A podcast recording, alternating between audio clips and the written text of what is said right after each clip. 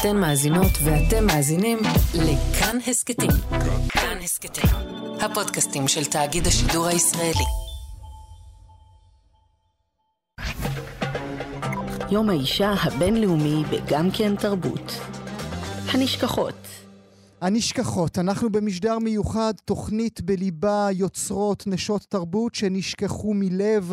הבוקר נעיר עליהן זרקור את אורה של התוכנית כולה. נתחיל כהרגלנו בשיר הבוקר. תקרא אותו מי שבגיל 19 פרסמה את ספר שיריה הראשון, מרגוט היה שמו, שנחשב לאחד מספרי השירה החשובים והמשפיעים של אותה התקופה. יונה וולך בעצמה אמרה שהיא-היא זו שהעניקה לה השפעה. אנחנו מדברים מדברים על המשוררת דליה ארץ, שנעלמה מן העין, אז הנה, ארץ בקולה, עם שיר הבוקר שלנו. חרישית, את שומעת אותי? אני פנס ברכבת הערב. אני בודה את יופייך מאחורי גבך, וקטן ומדביק כמו נבג. חרישית, את רואה אותי חף ויחף, כבה ברכבת הערב. והנה הראשונה, אותה אנחנו מזכירים הבוקר, הראשונה עליה אנו מאירים זרקור, המשוררת דליה ארץ. יום האישה הבינלאומי בגם כן תרבות.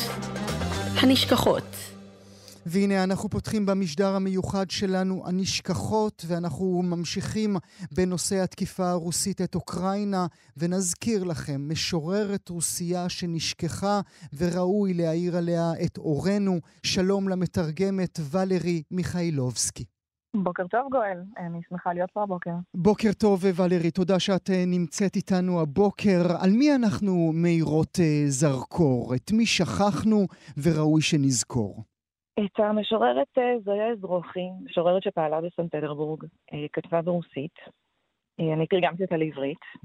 העיסוק שלה בשירה היה עוד אחד מהעיסוקים שלה בחיים, היא הייתה כימאית במקצועה, היא עבדה גם במעבדות, והיא כתבה שירה והיא אף פעם לא הייתה בתוך המיינסטרים גם בחייה.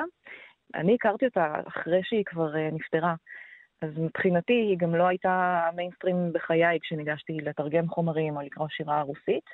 זה טעם מר קצת שגיליתי אותה כל כך מאוחר, אבל uh, גם מתוק. אבל הנה, דרכנו, דר, דרכך, uh, גם אנחנו עכשיו uh, מכירים אותה. איך כימאית בהשכלתה מפרסמת שירים כל כך חשובים ובמה הם עוסקים? אני חושבת שזה המהות של כימאים ומהנדסות, כימאיות ומהנדסות, אם כבר היום. בברית המועצות בכלל אה, זה אנשים ונשים שהעיסוק ברוח ובשירה לא עזר להם. וזה תמיד שני דברים שהתקיימו במקביל. אה, ככה שזה דווקא מאוד מסתדר ומתיישב בדמות שלה. במה השירים שלה עוסקים בדרך כלל? אה, יש לה שירים מלאי הומור עצמי, אני עברתי על הדברים האלה עוד פעם. גם השיר שאנחנו נקרא היום, אפשר לקרוא אותו בצורה מאוד אירונית, מאוד הומוריסטית, מאוד מודעת לעצמה, מאוד חדה. היא עוסקת בנשיות, היא עוסקת ביום-יום, היא עוסקת הרבה בחתולים שהיא גידלה. חתולים זה טוב, חתולים נכון. זה טוב. נכון. הנשיות היא חלק מרכזי מהכתיבה שלה? אני חושבת שהיא כן, כן, יש שירים שמכוונים לזה ממש, ויש שירים שבהם זה מבליח. הקיום שלה כאישה בתוך העולם אז הסובייטי הזה, המוזר, שבו גם ככה לפרט ולאדם בכלל אין כל כך מקום להיות אדם, בטח לא אישה. אז uh, אני, אני חושבת שכן, זה מאוד נקרא גם בין השורות שלא נכתבו במכוון על זה. אז בואי אה, נקרא יחד ברשותך. את ברוסית, אני אחר כך אקרא את התרגום שלך לעברית. אז אני אקרא את השיר שנקרא לבדים, ברוסית עדנה. Я живу сейчас одна, чистота и тишина. Страшно, страшно понимать, то, что я плохая мать. И совсем уже не в ночь, то, что я плохая дочь. Жалься, Боже, надо мной, я плохой была женой. И, наверное, снохой я была совсем плохой. Я, конечно, создана для того, чтобы жить одна. מתגוררת לבדי, רק השקט הוא עדי, גזר הדין כבר מאיים, לא הצלחתי בתור אם, יש בי מחשבה אחת שנכשלתי גם כבת. רחם אלי, אני מודה, כראיה הרגשתי אבודה. קל וחומר ככלה, לא הייתי כלל כלה, ועליי הנבואה לבדידות אני ברואה. כמה שזה יפה הדבר הזה. נכון, זה שיר שנכתב ב-86. ולמה התזמון חשוב בעינייך?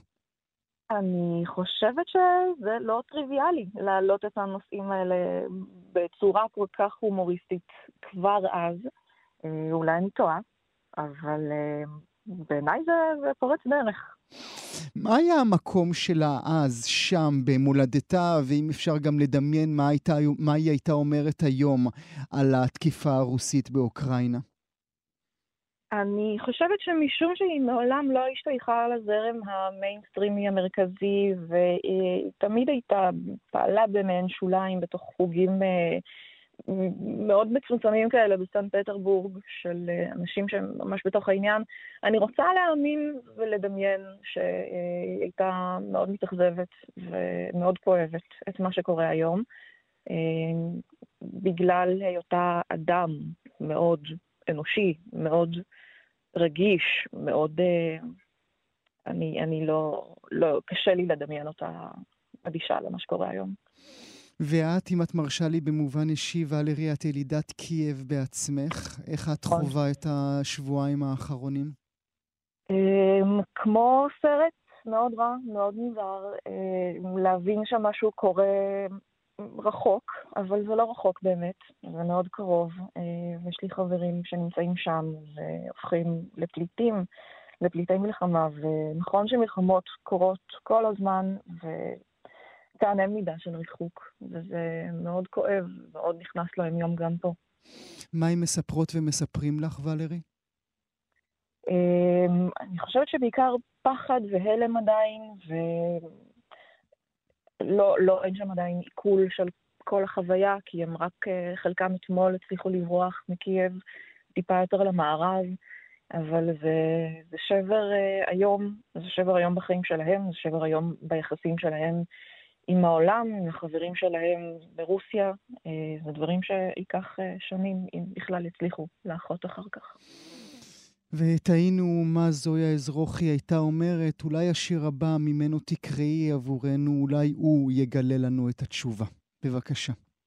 אז אה, כמה שורות אחרונות מתוך השיר שנקרא סקרנות לעולם, כותבת כך: כל כוונה מולי נפרסת כל מגור, כמו מעווה היער תחת אור.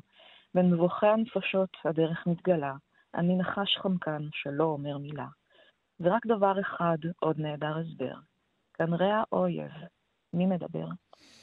כנראה האויב, מי מדבר? כמה שזה יפה. אנחנו מודים לך, אה, ולרי מיכאילובסקי, על שגילית לנו את אה, זויה אזרוחי. תודה שהיית איתי הבוקר. תודה רבה, ביי. יום האישה הבינלאומי בגם כן תרבות. הנשכחות הנשכחות, אנחנו במשדר מיוחד של גם כן תרבות לציון יום האישה הבינלאומי, תחת הכותרת הנשכחות, נשות תרבות מכל הסוגות שהשתכחו מלב וראויות להפניית זרקור. האם נשים אומניות נשכחות יותר מאומנים גברים? אני לא בטוח. מושכחות ככוונת מכוון, זה כן. אלף פעמים כן. מודרות, כן. אלפיים פעמים כן. זכו לזלזול ולחוסר תשומת לב, כן. שלושת אלפים פעמים כן. לא מובנות, כן. עשרת אלפים פעמים כן. אבל נשכחות בתום אני לא בטוח. נשאל. נאמר בוקר טוב לדוקטור רות מרקוס, מרצה לתולדות האומנות, מייסדת העמודה, העמותה לחקר אומנות נשים ומגדר בישראל. אני מודה לך שאת איתנו הבוקר. בוקר טוב ותודה. אז uh, לגבי השאלה ששאלתי בתחילת דבריי, האם נשכחות יותר מגברים? כן, אתה בעצם אמרת את כל מה שאני רציתי לומר, כי הן גם מושכחות והן גם נשכחות. אה, ובהחלט יותר מגברים, מכיוון שאומנם גם הרבה מאוד אומנים גברים נשכחו, אבל אני חושבת שהשכחה בקשר לנשים היא גורפת, מכיוון שהן גם לא מופיעות אה, בספרי ההיסטוריה mm-hmm. של תולדות האומנות. Mm-hmm. ולכן uh, המטרה שלנו בעמותה, ולכן גם הקמנו אותה, זה כדי להעלות מחדש את שמם, לחקור אותם, אז בעצם אנחנו לפרסם. מדברים, אנחנו מדברות ומדברים על הדרה אה, חברתית והבניה חברתית, בהחלט. שמיסודה שוכחת נשים. ביסודה שוכחת נשים, ומיסודה גם מאמינה שנשים הן אומניות פחות טובות ופחות חשובות, וגם אחת האמונות שאותי הוציאו מדעתי זה שלא היו הרבה אומניות, ואנחנו במחקרים שלנו הוכחנו שהיו הרבה מאוד אומניות. והדבר המדהים הוא שהאומניות האלה הציגו יחד עם האומנים, והיה זאת- ביניהם שיתוף פעולה. אז באיזה ו- שלב, אם, אם הם אכן הן עבדו יד ביד עם האומנים שאחר כך הפכו לבעלי שם והם, נש, והן נשתכחו שם מאחור, באיזה שלב אה, אה, הקשר נותק? באיזה שלב הן נשתכחו? אני חושבת שזה בשל... בשני שלבים. שלב אחד הוא השלב של התערוכות במוזיאונים, שלא היו אה, מספיק אה, מודעים למקומן של הנשים בתולדות האומנות הישראלית, והשלב השני זה ההיסטוריה. כי ברגע שכתבו את ההיסטוריה של האומנות הישראלית, אז כמובן שהתייחסו בעיקר מהמם, לקבוצות המובילות, שמי שהיו מובילים בתוך הקבוצות היו גברים. מהמם. זה, זה ומי בעצם, שהיו זה, מובילים אצל ההיסטוריונים גם היו גברים. ו- ובוא לא נשכח שמי שכתבו, מי שהיו ההיסטוריונים, מי שכתבו את ספרי ההיסטוריה ומי שהיו האוצרים הגדולים, כולם היו גברים, והם נכון. פשוט אה, שמרו על החבר'ה שלהם. נכון, ולכן אה, ב- בז'רגון הפמיניסטי אנחנו מדברים על היסטורי בתור מהמם. הסיפור שלו, מהמם, ולכן אנחנו צריכים גם להעלות את הסיפור שלה. מהמם. האם זו תופעה ישראלית או כלל עולמית? לא, זו תופעה כלל עולמית. אני מאוד הופתעתי שלפני כשנתיים ראיתי סקר שנערך בכל המוזיאונים הכי חשובים והכי גדולים בעולם, והסתבר שכמעט בכולם הציגו כ-30% נשים לעומת ש- 70% גברים, וזה במקרה הטוב, לפעמים זה אפילו פחות מ-30%. מהמם. כן, אה, זה לא, אה, זה, זה, לא מפתיע, כן? כל מי שמכיר את האוצרות במוזיאונים הגדולים בעולם, גם במוזיאונים כאן בישראל, אם אנחנו נעשה השוואה בין כאלה גברים שקיבלו תערוכות יחיד לבין נשים שקיבלו תערוכות יחיד, אנחנו נקבל גרוסו מודו את אותם מספרים שאת מונה עכשיו בפנינו. בשיחה מקדמת את ציטטת עבורנו אה, אה, משפט שהפיל לי את הלסת, שאמר מייסד בצלאל בוריס שץ. האם זה לידך? אוקיי, אני לא- אוקיי. אני לא, אמר- אני לא אמרתי את זה בשיחה מוקדמת, אבל אה, אני... אה, הוא בעצם דיבר על כך שחולשת הנשים באומנות זה בא מהרצון שלהם לחקות את הגבר. זו באמת הייתה נטיית הלב, כך אנשים חשבו. אה, אני לא בטוחה שככה נשים חשבו, אני חושבת שככה גברים חשבו על נשים. מהמם. לכן אמרתי אנשים, כן, כן, בוודאי. וחוץ מזה, זה, זה דרך אגב לא משפט שאני אמרתי וציטטתי, אבל אני אה, קראתי דברים שכתב בוריס שץ, והוא בהחלט אה, היה שוביניסט אה, לא קטן. אז בואי בעזרתך נאיר זרקור על מי שראויה שנאיר אה, זרקור עליה, ואת מזכירה לנו את צילה ניימן. כן, אני מוכרחה להגיד שהייתה לי פה בעיה מאוד גדולה, מכיוון שעשרות נשים חשובות מאוד בתולדות האומנות הישראלית נשתכחו, מהמם. וכשהייתי צריכה לבחור על מי לדבר, אני אוקיי. הייתי בבעיה. ולכן החלטתי פשוט ללכת להתחלה. ובחרתי בצילה ניימן, מכיוון שהיא הציירת הראשונה שנולדה בתל אביב, וציירה את תל אביב. היא בתם של אבא ושרה נאמן, שהיו מייסדי תל אביב, והבית שלהם היה אה, מקום של מפגש חברתי לכל אותם אנשים חשובים בתרבות הישראלית באותה תקופה. אה, והיא, אה, לצערי הרב, אפילו מרצים לתולדות האומנות שמדברים על אומנות ישראלית, לא כולם מכירים אותה ולא כולם זוכרים אותה. היא טסה לפריז כדי ללמוד ציור, נכון? כן, לא, היא למדה קודם כל בארץ, היא למדה אצל נחום גוטמן ואריה אורלנד, וכשהיא סיימה את לימודיה בגימנסיה הרצליה, היא נסעה לפריז, ולמדה שם באקדמיה קולרוסי ובגרון שומייר. ואני חייבת לציין שהאקדמי דה לגרן שומייר היה מקום מאוד מעניין, שאומנים מכל העולם למדו בו. זו לא הייתה אקדמיה ממש, אלא אפשר היה לקחת שיעורים אצל אה, מורים מסוימים, כל אחד לפי מה שעניין אותו. והרבה מאוד אומניות ישראליות בשנות ה-20 וה-30 נסעו לשם ולמדו שם. והיא הייתה אחת מהם, ומדוע היא ראויה שנזכיר אותה, מלבד היותה ראשונה?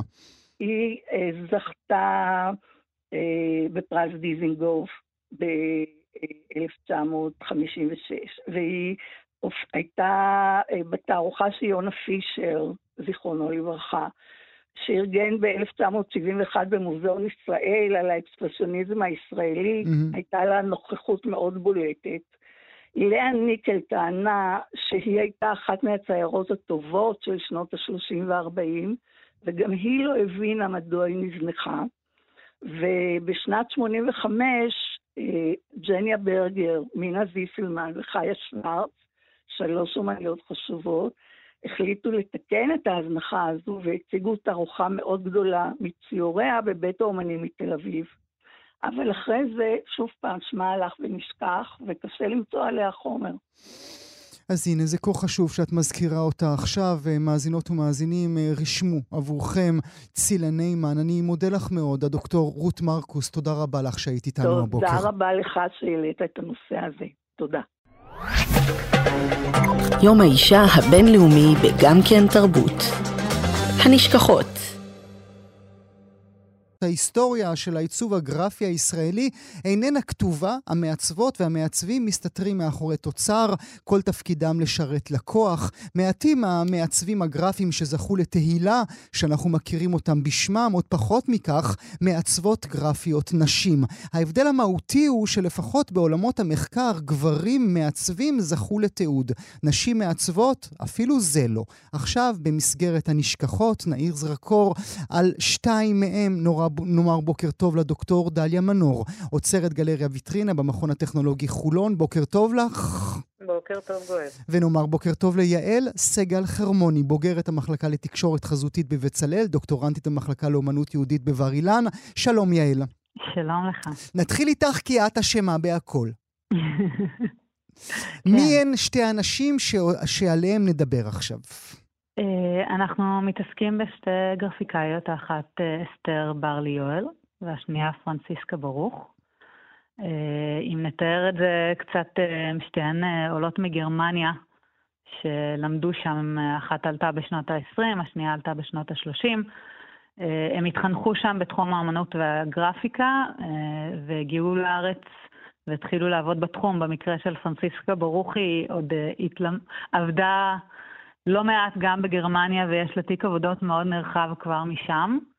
אה, והם הגיעו לפה וממש אה, עזרו לבנות את החזות של התרבות העברית והישראלית בארץ. לבנות, לבנות את החזות, זה משפט כל כך יפה, אני אפילו רושם אותו כאן בצד על המחברת הקטנה שיש לי, לבנות את החזות, אבל קחי אותי לאיפה זה התחיל. את בעצם רוצה לעשות את הדוקטורט שלך על נכון. עיצוב גרפי, ומה את מגלה? אה, אני בכלל בתזה שלי התחלתי לחקור אה, מעצבים גרפיים, ויותר נכון אה, מעצבי אותיות עבריות לדפוס, וגיליתי שמבחר הנשים הוא מאוד מאוד מאוד מצומצם.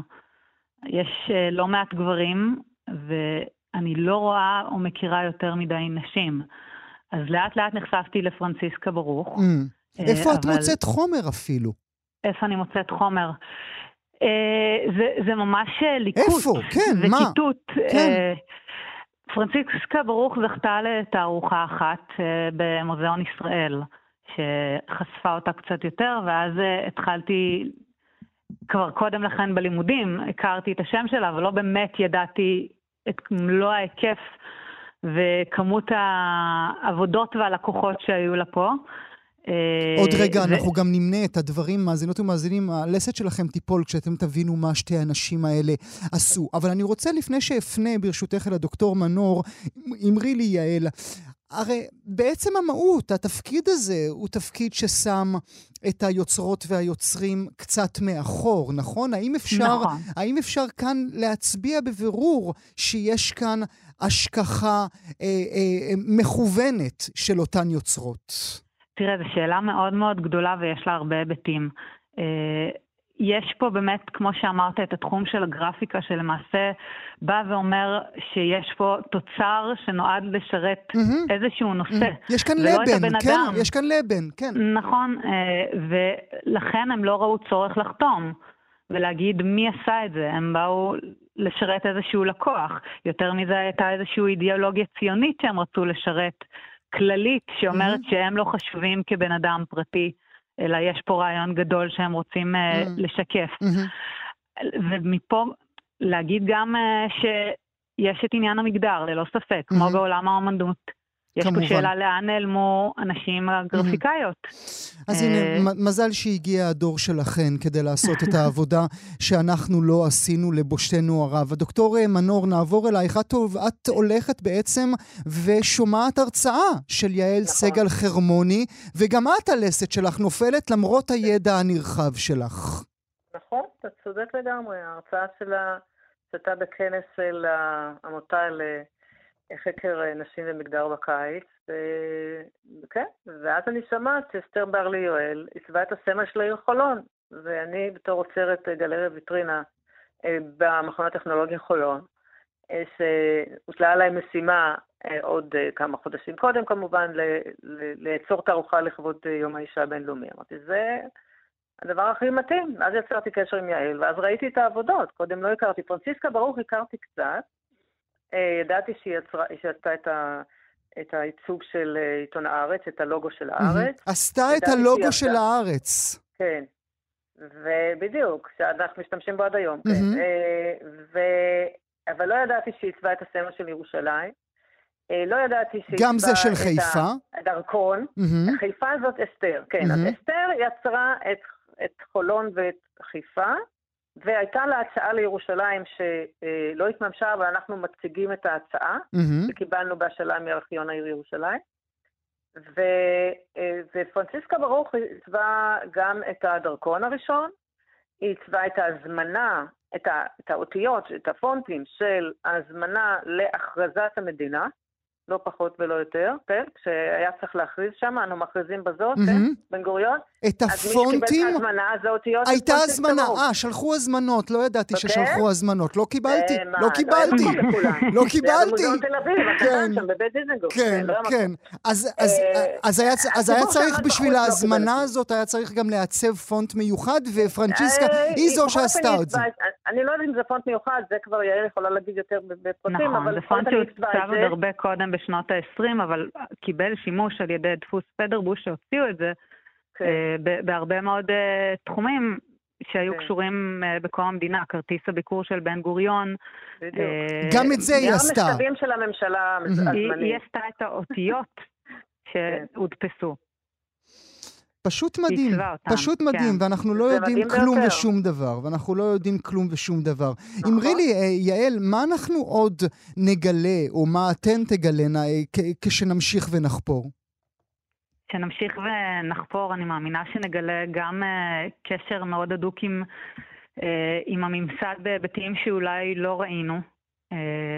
זה פשוט כמויות בלתי סבירות, וכפי שציינת קודם, קשה כל פעם לחבר בין היוצר uh, והתוצר. אני מאמינה שנגלה גם עוד נשים שלא הכרנו בהכרח ופעלו בצורה מאוד משמעותית. הן היו חלוצות לכל דבר. היו חלוצות בלי שום ספק. אני שמח באמת שאנחנו uh, ככה מאירים את הדבר הזה. Uh, הדוקטור מנור, עוד uh, מילה כן. ברשותך, כן. אפרופו התערוכה הזו שעכשיו מוצגת אצלכם כן. בגלריה ויטרינה, הטביעו חותם, זה שם התערוכה, מעצבות נכון. גרפיות בארץ ישראל. עד כמה כל העומק הזה וכל הלמידה הזו אולי אפילו יכולה לקדם אותנו היום ב- בלימוד שלנו את התחום הזה בעינייך? תראה, אני מקווה קודם כל שעצם זה שידעו, אפילו הייתי אומרת, האנשים הכי קרובים לתחום, כלומר המעצבות והמעצבים הגרפיים mm-hmm. של ימינו, מה שהיום קוראים תקשורת חזותית. אם הם ידעו שיש להם גם אימהות, לא רק אבות, ושיש איזושהי, שההיסטוריה היא יותר מפותחת מאיך ש... mm-hmm. מהפריזמה הצרה שעליה התחנכנו. זה כבר, אה, אני חושבת, יכול אה, להועיל לתפיסת העולם הכללית שלהם. בוודאי של נשים. בוודאי. ש... שיש על מה להסתכל, ש... כן. שמחקים אותם. Mm-hmm. אז הנה, יש, יש נשים שעבדו עם כל המוסדות הכי חשובים, עם ההסתדרות ועם הקרן הקיימת ועם מדינת ישראל ועם מכון ויצמן ו... you name it, כל הדברים האלה. אז, אז זאת אומרת שנשים היו שם תמיד, הם רק אה, איכשהו... אה, כמו שאומרת הכותרת של התוכנית שלך, הם נשכחו, mm-hmm. ואנחנו פה... בשביל אה, להזכיר. קצת, אה, מנערים את האבק ו- ו- ומראים שהיו פה נשים שהיו שותפות למפעל הזה של יצירה של תרבות עברית, ו... ואני חושבת שאנחנו, בדור שלנו והדורות הבאים, יכולים לדעת שיש לנו היסטוריה, זה חשוב. לבנות את החזות. הדוקטור אה, דליה מנור ויעל סגל חרמוני לעונג רב, תודה רבה שהייתם איתנו הבוקר. תודה לך. תודה ברצון. יום האישה הבינלאומי בגם כן תרבות. הנשכחות הנשכחות, משדר מיוחד של גם כן תרבות, נשות תרבות שנשכחו מלב וראוי להזכירם. אנא האזינו לקול הבא ולשיר הערש הבא.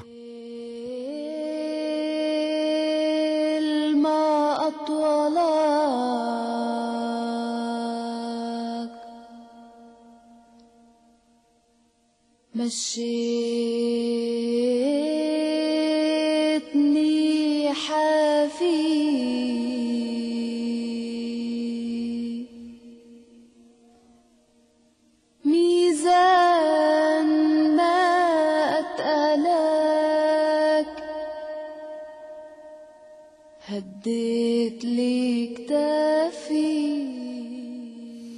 שלום לשחקנית והמשוררת סמירה סריה, בוקר טוב לך.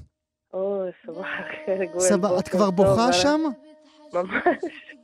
לא, תגשדרי, תגשדרי על החיים שלך כבר, כן. וואו. למה אנחנו בוכות? אמ, כי זה... זאת הייתה הבחירה שלי כששאלת אותי מה... וואי, זה שיר ערש ש... ש... אימא שלי הייתה שרה לנו. אני זוכרת, אה, אני לא זוכרת שהיא שהייתה שרה לי את זה, אבל אני זוכרת שהייתה שרה את זה לאחי הקטן. אז מבחינתי הדבר הזה זורק אותי למחוזות. אמ, והכוונה שלי הייתה התכוונתי לבחור את השיר הזה. כאילו, אנחנו, אנחנו... אה, אנחנו בתוכנית תנשמי, תנשמי קצת. כן, וואי, הלכת אותי. מה היא אומרת? תתרגמי לי קצת את המילים של מה שאנחנו אה, שומעים עכשיו.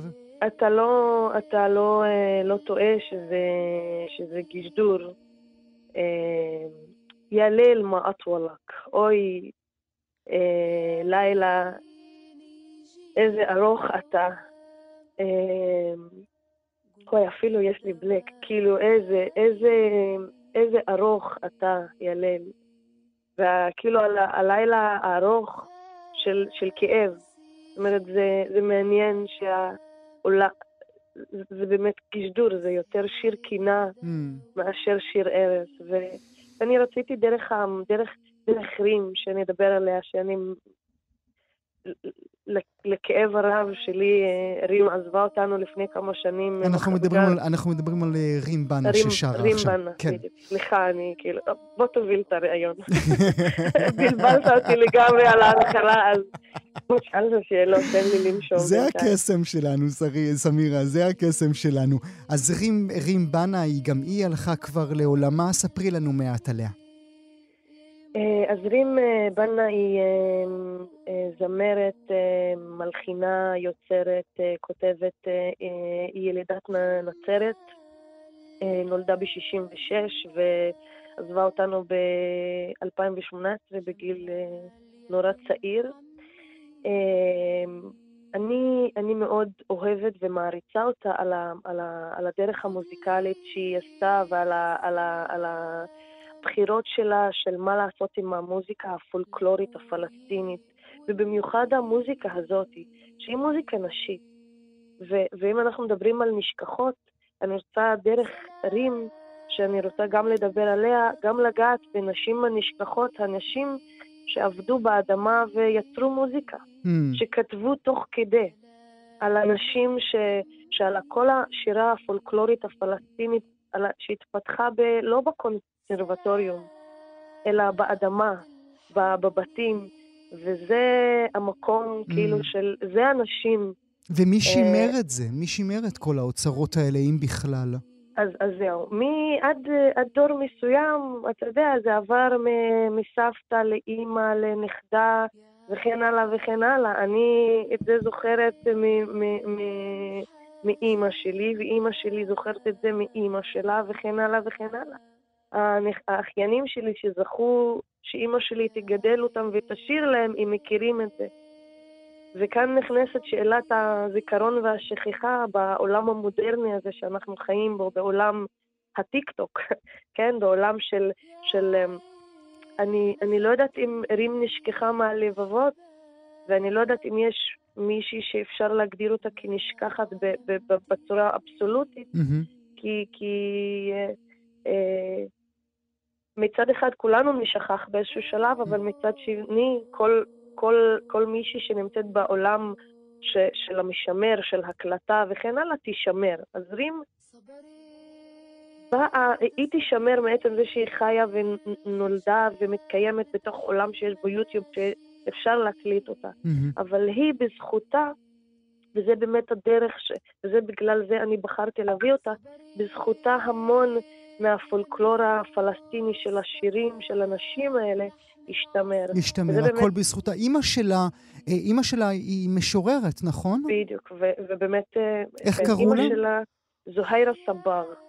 אה, היא בתה של משוררת, אמנית, שחקנית וצלמת, גם אימא שלה מאוד, מאוד, כאילו, סליחה, אימא שלה משוררת ומוכרת וגם קיבלה פרסים ומוכרת גם בתור משוררת פלסטינית בת זמננו. המקום שהיא מקבלת בתרבות הפלסטינית הוא מקום מרכזי, נכון? היא זכתה בפרס פלסטין. בשירים שלה, אני זוכר, אפילו בסרט של יא סולימאן, נדמה לי, שיר שלה אה, מופיע. זאת אומרת, עבורכם היא חלק מרכזי מהתרבות שלכם, או לפחות מהזיכרון שלכם. אמת, אמת, אמת, וזה מביא אותי לפעם הראשונה ששמעתי את רים. אני שמעתי את רים פעם ראשונה בנראה לי 94, ממש כזה, תחילת שנות ה-90, שעוד הייתה נערה. נסעתי לנצרת להשתתף בערב לזכרו של תאופיק זיאד. Mm-hmm. אתה זוכר מי mm-hmm. זה תאופיק mm-hmm. זיאד? Mm-hmm. שהיה גם חבר כנסת ונהרג בתאונת דרכים, שהוא גם היה משורר וכתב מלא שירה, והלחינה את השירים שלו, שירים פוליטיים.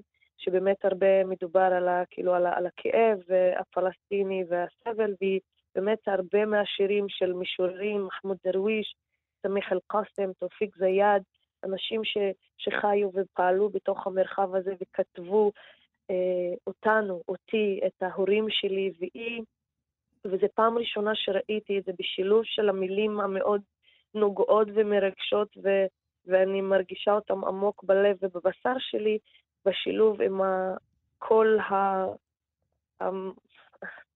המלאכי mm-hmm. העמוק mm-hmm. שלה, שכמו ששמענו אותו, זה פירק אותי, ומאותה רגע הפכה להיות uh, אהבה מבחינתי, כאילו. ו- ו- והערצה. והבחירות המוזיקליות שהיא עשתה בחיים שלה, uh, בזכותם הרבה מה, מה, מה, מאימא שלי משתמר. אתה מבין מה אני אומרת? מהזיכרון, בוודאי. כן. אפשר, אפשר, גם, אפשר גם להגיד שבגלל הזהות הפלסטינית שלה, אה, היא השתכחה יותר מאחרים? בהחלט, וזה מגיע, מגיע נקודת ה, הנקודה שלנו בתור יוצרות פלסטיניות שחיות בתוך מרחב ש-80% מהאוכלוסייה לא יכולים אה, לבוא להופעות שלנו, כי הם לא מדברים את השפה, או שאנחנו בשביל שנוכל להצליח ושידעו מי, אתה, מי אנחנו, אז אנחנו צריכות לשיר אולי לא בשפה שלנו. אז המורכבות הפוליטית היא גם מגיעה לכל התחומי חיים שלנו ותחומי היצירה שלנו. כמו שאתה רואה, גם רים, אה, מעצם זה שהיא אה, אה, זכורה, עצם זה שהיא יכלה כאילו ל- ל- ל- להופיע במקומות שהם ההמשך התרבותי שלה, שזה פלסטין, סוריה, ביירות, אה, צפון אה, אה, אפריקה, טוניס, אוקיי? אז, אה, אז היא הצליחה סוג של להתגבר על, על, על, על, על תקרת הזכוכית, mm. אבל בשביל שנוכל להתגבר על תקרת הזכוכית בהכרח זה אומר שאנחנו נצא מפה, נעקור מפה. הרבה מהאומנים והז... והיוצרים הפלסטינים או שעוזבים או שעוזבים לתקופה מסוימת או שעוזבים בכלל. אה, ביום אה, שבת אני רוצה לנסוע לראות הופעה של הטריו ג'ובראן, הסולטי ג'ובראן, הם מופיעים ברמאללה, אבל הם חיים, בשביל שיוכלו להצליח, הם חיים בפריז. אותו דבר, גם רים עברה דרך לחיות לא בארץ על mm. מנת שתוכל להתפרסם. אז, אז זה תמיד המשחק הזה. לא יודעת אם לקרוא לו משחק, mm, אבל המתח המציאות הזה. המציאות והמתח. המתח הזה כן. שנקרא המציאות. אני רוצה להודות לך גם על המילים החכמות וגם על הדמעות. סמירה שרי, אה, תודה רבה. תודה אה, רבה. אה, תודה רבה שהיית איתנו הבוקר.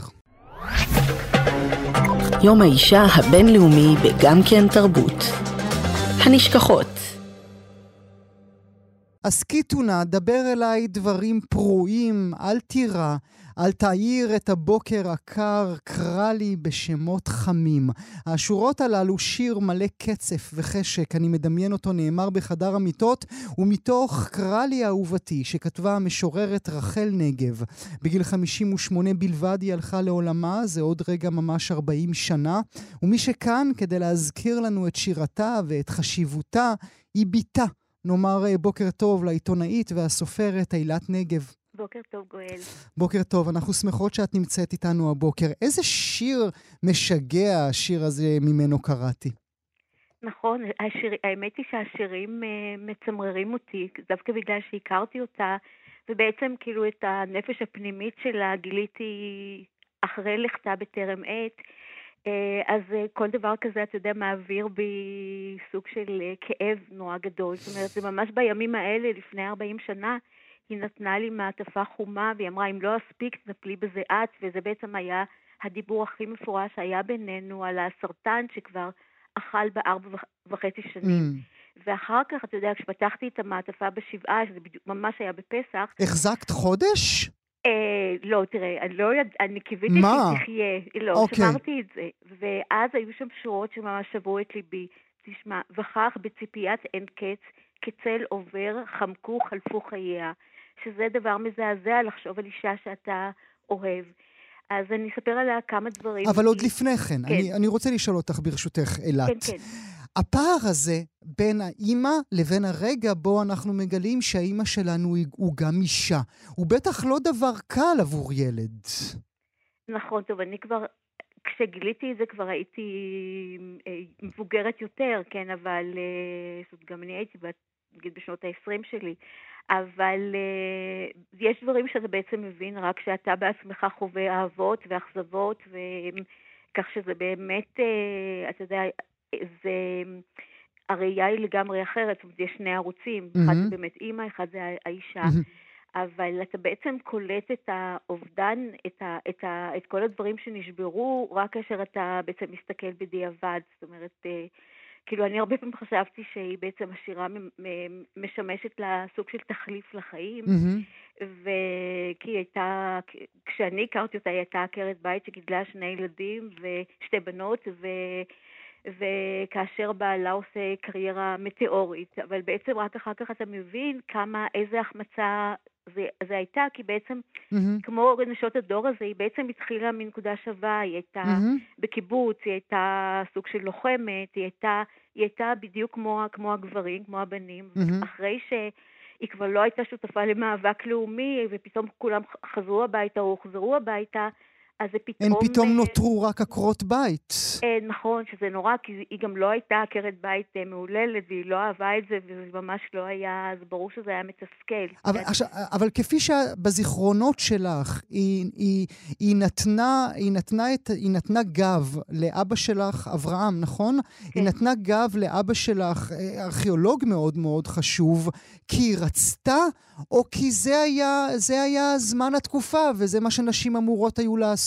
זהו, האמת היא שאני חושבת ש, ש, שזה היה התקופה, זאת אומרת, היא לא ממש התעניינה בארכיאולוגיה, אבל uh, ברור שהיא תמכה בו, גם, uh, הוא בעצמו זה היה במאבקים מאוד קשים, כי הוא נפצע במלחמת העצמאות ואיבד את יד ימין, mm-hmm. אז כך תחשוב על ארכיאולוג ש...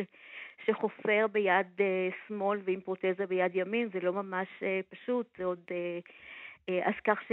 אבל היא נתנה גב כי, כי זה בעצם היה מצופה, היא תהיה בבית, היא גם לא הייתה לה תעודת בגרות כי בעצם היא הלכה לבית ספר חקלאי, כי היא חשבה, למרות שהייתה תלמידה מצטיינת וכתבה שירים ממש מגיל רך, mm-hmm. אז היא חשבה שצריך, שהגשמה זה הדבר הנכון, ותעודת בגרות זה סוג של אה, דבר נרקיסיסטי, ובעצם לכן היא גם, גם כאשר כבר המלחמה הסתיימה ואפשר היה חיים נורמליים, אז היא בעצם... אה, היא לא יכלה ממש לעבוד. הן פשוט, הן, הן פשוט הקריבו את חייהן למען אחרים. נכון. פשוט נכון. ככה, אין, אין, אין דרך אחרת להגדיר את הדור הזה, את החיים שלהם. את אומרת שהיא התחילה לכתוב מגיל רך. ממש. אה, מה הכי מוקדם? איזה, איזה צטע, יש... לאיזה פיסת נייר הכי מוקדמת זהו, יש לך? זהו, פיסת נייר הכי מוקדמת זה שיר מגיל שמונה בביאליסטוק. זאת אומרת, היא גדלה בביאליסטוק, אבל זה, אבא, ש... אבא שלה היה סופר עברי ו... ומנהל בית ספר של תרבות. זאת אומרת, אסור היה לדבר יידיש בבית בכלל. והיא עלתה בגיל 11, אז בגיל שמונה כבר יש שיר על בנימין זאב הרצל, של, אה, שהוא הוא, הוא פשוט כרך, והוא הדפיס וכרך את, את השירים האלה, אז כתוב שם אה, רחל, כיתה ג' ביאליסטוק. Mm. אז תתאר לעצמך ילדה שכותבת על הרצל בגיל אה, שמונה, ובגיל 11 עולה לארץ וממשיכה להיות סוג של חלוצה ואידיאליסט. מדהים. וזה מספיק טוב? זה, כשאת מסתכלת אחר על השורות? בתור ילדה בת שמונה, לדעתי כן. זה מדהים, mm. כן. אבל, אבל היא כמובן כל החיים כתבה, וכש, ודווקא מעניין שנגמרה תקופת החלוציות, והם היו בירושלים והוא למד באוניברסיטה, אז היא המשיכה לכתוב, ואז השירים כבר נעשו מאוד אה, אה, אישיים וליריים, כמו השיר שאתה קראת, mm. זאת אומרת, אה, קרא לי אהובתי, יש עוד שירים אחרים אה, שבעצם מבטאים אה, סוג של באמת אכזבה גם קצת מחיי נישואים, כל מיני דברים. עכשיו, היא פרסמה, קיבלה ביקורות טובות, אה, היא פרסמה מוספי הספרות של העיתונות היומית ובקשת ומאזניים, ושר החינוך והתרבות זלמן ארן קרא את השירים, כל כך התרשם שהזמין אותה אליו, ואז הוא נתן לה מענק, זאת אומרת, המשרד שלו אה, להוצאת ספר השירים הראשון, כמו שכתוב בלב, mm-hmm. שראה אור ב-67, mm-hmm. זאת אומרת, השיר שלך זה כבר, היא הייתה בת, בת 43. אז כך ש... אבל... אבל זה עדיין, זה עדיין, אה, זה עדיין נתפס. כמין עיסוק צד נכון. של, של עקרת הבית. כן, נכון, היא מקשקשת כמעט... קצת אה, כמה מילים על דף. נכון, אמנם, אה, אתה יודע, כש, כששיר היה מתפרסם בעיתון, אז הוא היה מונח על השולחן וכולם היו גאים, וסבא שלי היה הולך עם קטעי העיתון בכיס ומראה לכולם, אבל, אבל באמת זה לא, היה, זה לא היה משהו רציני, זה היה, היא באמת כותבת אה, בשביל הנשמה וזה. המזל הוא שגם אנשים בנות הדור הזה קצת הצליחו ליהנות מהמהפכה הפמיניסטית של סוף שנות ה-60, וגם ילדים כבר גדלו ויצאו מהבית, ואז אפשר היה להגיד מי טו, לא ברמה של, לא בעניין של הטרדה מינית. אלא גם אני רוצה. לא, מגיע לי. מגיע לי, מגיע, מגיע לי, נכון. מגיע לי. ואז באמת היה מזל, כי באמת, כמו שאמרתי לך, לא הייתה לה תעודת בגרות והיא לא יכולה ללמוד, אבל אז האוניברסיטה העברית אה, החליטה לקבל אנשים שבגלל נסיבות לאומיות לא רכשו תעודת בגרות. Mm-hmm. היא הייתה בת 50, היא התחילה ללמוד אה, ספרות עברית והשוואתית, סיימה BA בהצטיינות, זכתה בפרס הארי הרשון לשירה, וב-78 היא פרסמה ספר שני, כוכבים בוכים. התחילה גם ללמוד לתואר שני, אבל השעון כבר התחיל לתקתק, היא כבר בעצם הייתה חולה בסרטן, mm-hmm. וזה כך שזה, התחושה היא פשוט של, אתה יודע, שכאילו לא הספיקה בכלל, mm-hmm. ו- וככה זה נגמר. אני רוצה שתקראי לנו כמה שורות uh, ברשותך כן, מאחד השירים של אימא שלך, ואז אשאל אותך שאלה לסיום. כן, um, אני אקרא את השיר שקוראים לו, um, כמו שכתוב בספרים, זה מהספר הראשון. ותראה כמה זה בעצם מסגיר ואישי. הצער, הכאב, הבכי הבודד באישון לילה, כמו שכתוב בספרים, הזעם, הבגידה, הנה השיבה המפויסת, החלומות המנופצים כזכוכית. הנה הגיבור שעמו נשמת באצבעות הוזות. הנה הנך, אתה ההיא המשוררת של חייך. מלאי את השורות החסרות תקוות מתוקות, כמו שכתוב בלב. מישהו יזכה איתך בדפים האלה. מטורף. ההיא המשוררת של חייך. זה, זה משפט, זה, זה משפט פנומ, פנומנלי פשוט. נכון. פשוט נכון. פנומנלי. עכשיו, אם... אני רוצה רק להגיד שכל השירים שלה נמצאים ברשת בפרויקט בניהול, mm-hmm. דווקא בגלל שחשבנו ש... אתה יודע שהם צריכים להיות נגישים אה, לכולם, ובאמת מדי פעם מרגש אותנו כשאנשים מתקשרים ומספרים ששיר כזה או אחר נגע לליבם. גילה אלמגור סיפרה לי שבטקסי יום הזיכרון, לחללי צה"ל היא קוראת את השיר אה, של אימא שלי, ראיתי אישה נוסעת באוטובוס אל ילדה החייל, והיא כמו ציפור ירויה מבפנים, נופלת ואין רואים סימנים. אז... אה, מרתק. אולי מילה לסיום במובן אישי, אם את מרשה לי, אילת. אם היא הייתה, כאמור, היא 40 שנים כבר לא איתנו, אם היא הייתה שומעת את השיחה שלנו עכשיו, הייתה מחייכת? הנה הגעתי? אה, כן, אבל גם בגלל שהיא בעצם לא הכירה אותי. כש... כש... כשהיא נפטרה, הייתי נשואה עם שני ילדים קטנים, הייתי מתרגמת סרטים בטלוויזיה, ובעצם גם בעקבות התחושה של אה, החמצת החיים שלה, שאני קלטתי אחר כך, אז שיניתי גם אה, מסלול מקצועי, בעצם עברתי לרדיו, כל ישראל mm-hmm. הייתי, ואחר כך לעיתונות, mm-hmm. ובעצם גם אה, מצאתי זוגיות אחרת, אז כך שבעצם, וכמובן כל הספרים שכתבתי נכתבו ב-25 שנים האחרונות, אז היא בעצם בכלל לא ידעה מה יהיה ממני ואיך אה, בסופו של דבר הדברים, בעצם הגורל שלה, החיים שלה, השפיעו קצת עליי. מרתק. אז הנה, הערנו כאן זרקור על עוד נשכחת, המשוררת רחל נגב. אני מודה לך מאוד, אלת נגב. תודה שהיית איתנו הבוקר. יום האישה הבינלאומי בגם כן תרבות. הנשכחות הנשכחות. אנחנו לוקחות ולוקחים אתכם עכשיו אל סוף המאה ה-19, אל שתי נשים אינטלקטואליות פמיניסטיות, האחת בביירות לבנון, השנייה בת ליהדות הודו. נאמר אה, שלום ליפה בניה, מרצה וחוקרת במכון ארטמן ובבית יוצר ישראלי, ממייסדות בית המדרש ערבות, ערבות לחיבור בין פמיניזם למסורתיות. בוקר טוב לך. בוקר טוב גואל. בוקר טוב, יפה. אני שמחה להיות איתך. אני שמח שאת נמצאת איתנו הבוקר. על מי אנחנו מאירות זרקור בזכותך הבוקר? אנחנו מאירות זרקור על שתי נשים, על אסתר אזהרי מויאל ועל רבקה ראובן. אני אתחיל מאסתר מויאל. שתיהן, ש... שתיהן בנות המאה ה-19, נכון? סוף המאה ה-19, תחילת המאה ה-20. אוקיי. ממש. אה, ומאוד מעניינות, אה, עובדות בהקשרים אחרים. אסתר מויאל באגן המזרח התיכון, נולדה בביירות בשנת 1873. אה, רבקה ראובן בהודו, בקהילת בני ישראל בהודו. אז יש כאן ככה איזה מרחב, שתיהן בהקשרים קולוניאליים, שזה גם הקשרים מעניינים לדבר עליהם בהיבטים האלה. אסתר מויאל, אני ככה אגיד עליה כמה מילים. אה, הייתה סופרת, מתרגמת, עיתונאית, פעילה פמיניסטית. למעשה היא חלק מתחיית אה, הנשים הערביות, היא חלק מתנועת התחייה הערבית שנקראת הנהדה. בתוך הנהדה יש את אל-נהדה אל-ניסאיה, תנועת התחייה הנשית אה, בארצות ערב, שהיא ממש חלק אינהרנטי ממנה, לגמרי היותה יהודייה, אה, לא... וזה היה, לא מקו, זה היה מקובל שאותה, שנשים יהודיות יהיו, יהיו חלק מהתנועה הערבית? אני חושבת שהיא דופן. הייתה יוצאת דופן ויחידה. אם כי הדלת הייתה פתוחה, מה שאפשר לה להיות חלק מזה, זה באמת העובדה שהיא הייתה מעוגנת מאוד מאוד עמוק בתרבות הערבית, בה היא למדה קוראן מילדות, מפי אביה, היא הכירה היטב את התרבות, את השפה. היא, היא הגדירה את עצמה כאינטלקטואלית עברייה ערבייה, הגדרה מאוד מאוד מעניינת. והיא בבגרותה ניהלה את בית הספר המוסלמי לבנות בביירות. במקביל היא למדה באוניברסיטה האמריקנית של ביירות הצטרפה לאגודת הנשים הסוריות, התמנתה למזכירה של האגודה הזאת. ב-1894 היא נישאת לשמעון מויאל, בן לאחת המשפחות המייסדות של רגע, עוד, היישוב עוד, החדש. עוד לפני שהיא מתחתנת, כן? מה אכפת לנו שהיא מתחתנת, כן? הרי היא עומדת בפני עצמה ממש. לחלוטין. זה היה מקובל באותן נשים, סוף המאה ה-19, ילידת 1873, שהנשים תעשינה את הקריירה המפוארת הזאת? אז תראה, אה, זה, היה, זה לא היה מקובל, נגיד, זה עדיין לא היה נפוץ, אבל אנחנו לא יודעים הרבה, אבל אנחנו כן מדברים על תקופה של אה, ראשית הפמיניזם הערבי, אה, במקביל לפמיניזמים אחרים בארצות אחרות בארצות אירופה.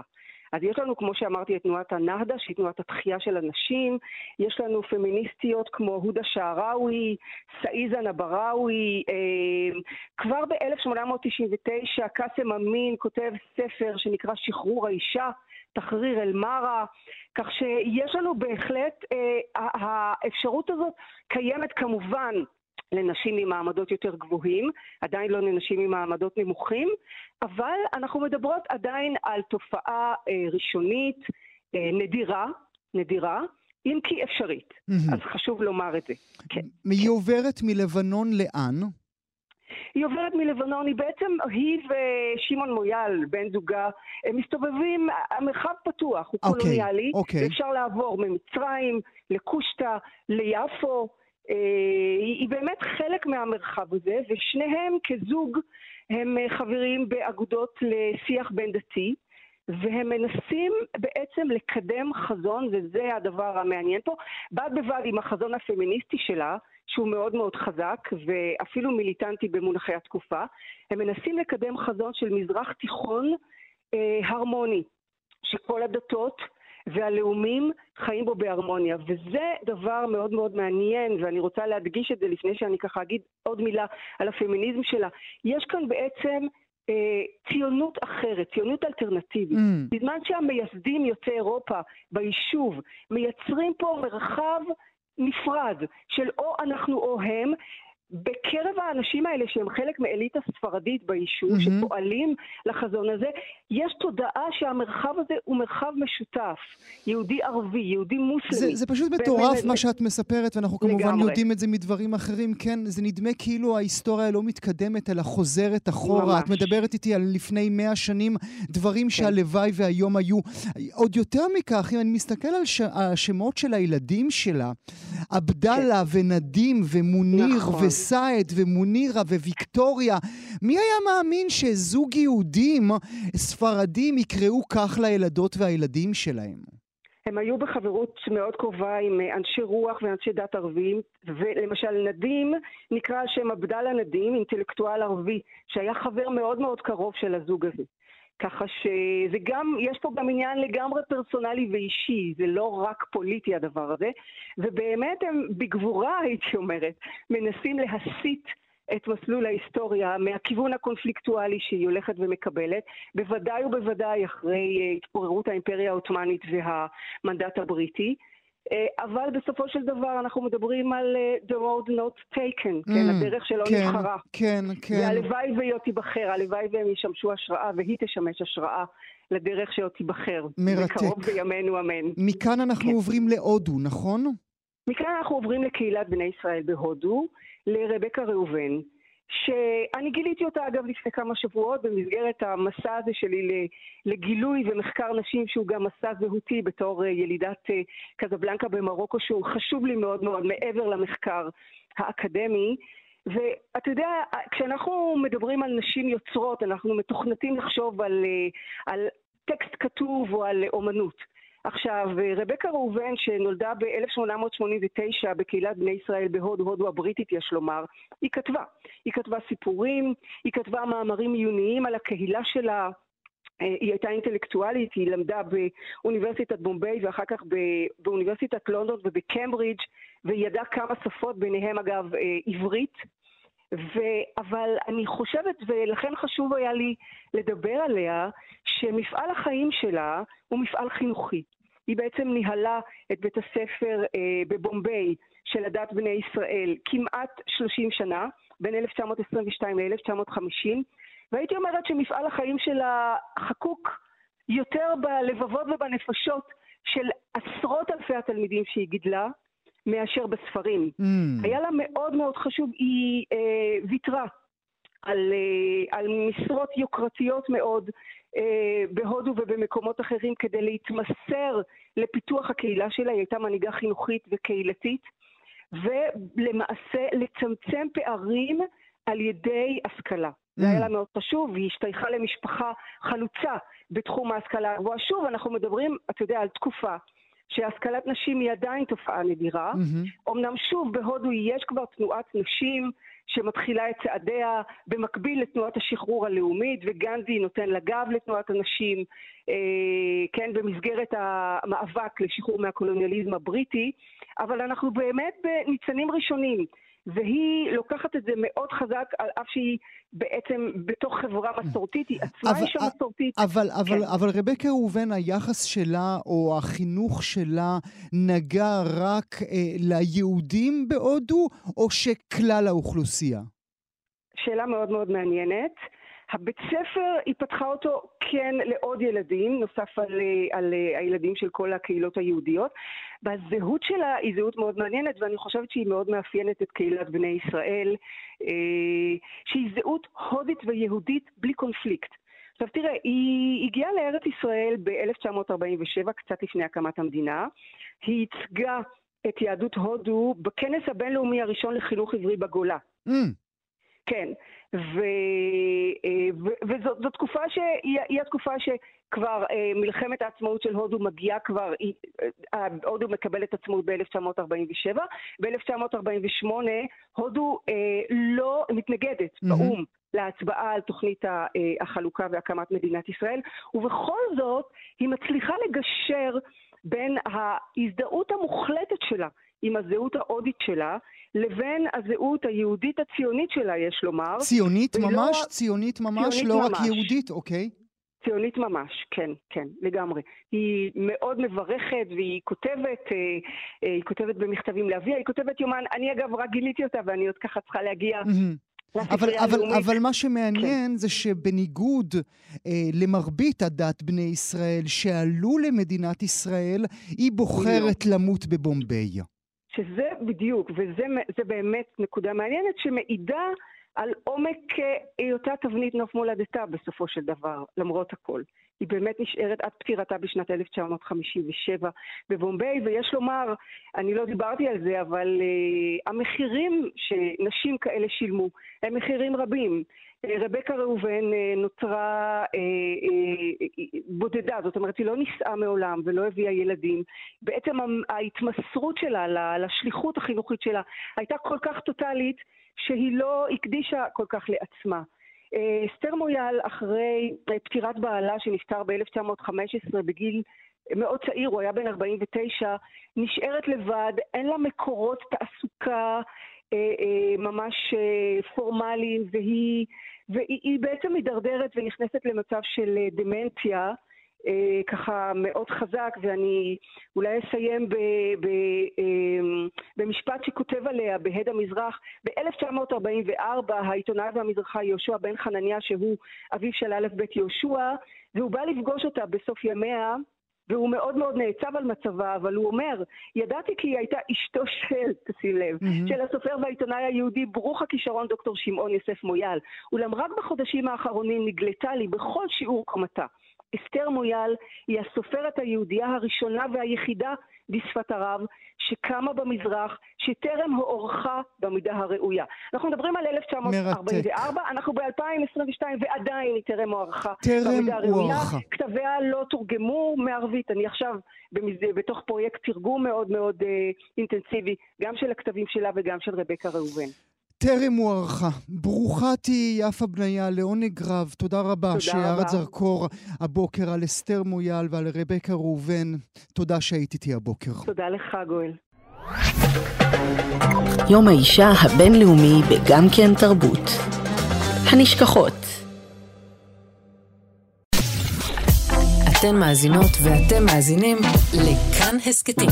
כאן הסכתים, הפודקאסטים של תאגיד השידור הישראלי.